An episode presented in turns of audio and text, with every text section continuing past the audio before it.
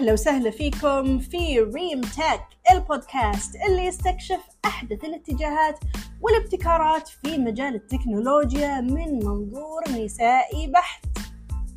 أنا مضيفتكم دكتورة ريم وحلقة اليوم تدور حول مستقبل المرأة في مجال التكنولوجيا. ليش اخترنا أن إحنا نتكلم عن مستقبل المرأة في هذا اليوم تحديدا؟ لأن اليوم هو اليوم العالمي للمرأة. تحت شعار DigitALL الابتكار والتكنولوجيا من أجل المساواة بين الجنسين. DigitALL أتوقع الترجمة الحرفية لها عالم رقمي للكل إذا ما نبغى غلطانة اللي عنده تفسير أو ترجمة أفضل لكلمة DigitALL لو سمحتوا شاركوها معنا على تويتر.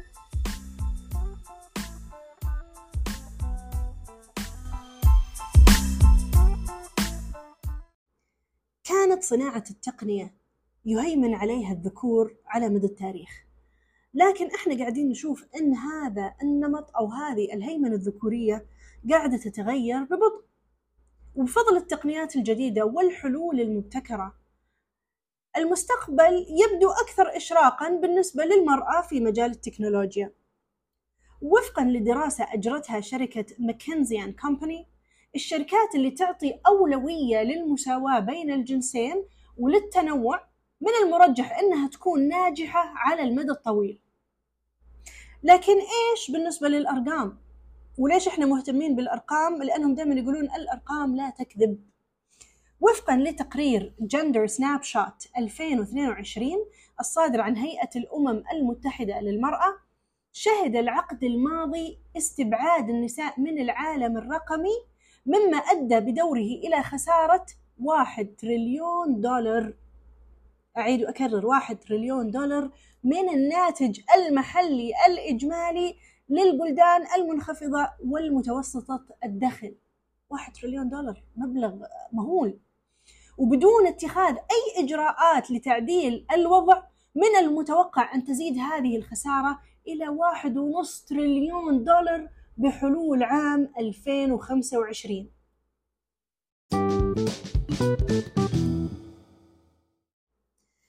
طيب إحنا إيش ممكن نسوي علشان نحقق تكافؤ الفرص بين النساء في مجال التكنولوجيا؟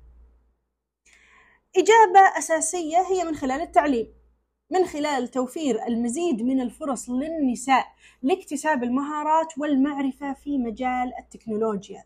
بهذه الطريقة إحنا نقدر نساعد في سد الفجوة بين الجنسين وإحدى الطرق اللي تساعد فيها التكنولوجيا في تكافؤ الفرص أمام النساء هي التعلم عبر الإنترنت اليوم نلاقي إن الدورات التدريبية والمعسكرات التدريبية عبر الإنترنت موجودة بكثرة وهي توفر فرص للأشخاص إنهم يستخدمونها علشان يكتسبون مهارات جديدة ويقتحمون صناعة التكنولوجيا.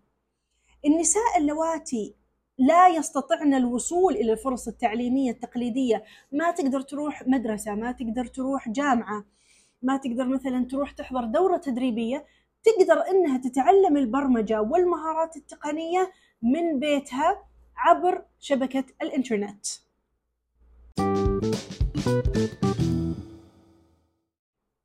لا يتعلق الأمر بالتعليم فقط.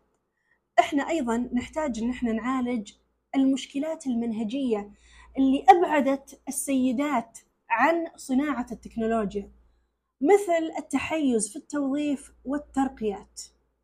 للأسف الشديد التحيز هو قضية ضخمة ومن المهم أن الشركات تلقي نظرة فاحصة على ممارسات التوظيف والترقية وأيضا أنها تجري تغييرات لضمان حصول النساء على فرص متساوية ومتكافئة مع الرجل تساعد التقنية في تقليل التحيز في قرارات التوظيف والترقية عبر استخدام أدوات الذكاء الاصطناعي اللي تقدر تحلل إعلانات الوظائف وتزيل اللغة المتحيزة مما يجعل توصيف الوظائف أكثر شمولا. وهذه الأدوات أيضا تستطيع أنها تفحص السير الذاتية لإزالة معلومات التعريف مثل الأسماء العناوين مما يساعد على التخلص من التحيز اللاواعي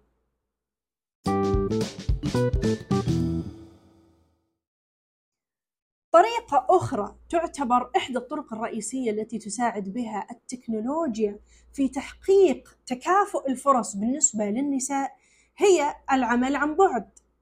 مع ظهور العمل عن بعد بسبب جائحة كورونا لم يعد الموقع الجغرافي عائقا أمام النساء اللي يبغون يدخلون صناعة التكنولوجيا.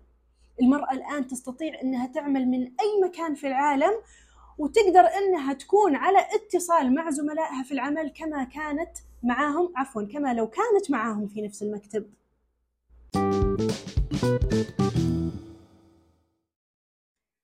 طبعا لا تزال هناك تحديات تواجه النساء في صناعة التكنولوجيا مثل فجوات الأجور بين الجنسين، التمييز في مكان العمل، ولكن بالرغم من ذلك نلاقي إن التكنولوجيا تساعد في تسليط الضوء على هذه المشكلات وتحمل الشركات المسؤولية لإنشاء أماكن عمل أكثر انصافا. والأمر هذا لا يقتصر على الشركات فقط، إحنا أيضا كأفراد نستطيع أن إحنا نلعب دور في تعزيز المساواة بين الجنسين في التكنولوجيا خاصة وفي العمل بشكل عام. على سبيل المثال يمكننا دعم الشركات الناشئة في مجال التكنولوجيا التي تقودها النساء. ويمكننا أيضا توجيه النساء الشابات المهتمات بممارسة مهن في مجال التكنولوجيا. وبما أن اليوم هو اليوم العالمي للمرأة 2023 هذا هو الوقت المناسب لبدء مثل هذه المحادثات. ولا تنسون الثيم لهذه السنة هو ديجيتال الابتكار والتكنولوجيا من أجل المساواة بين الجنسين.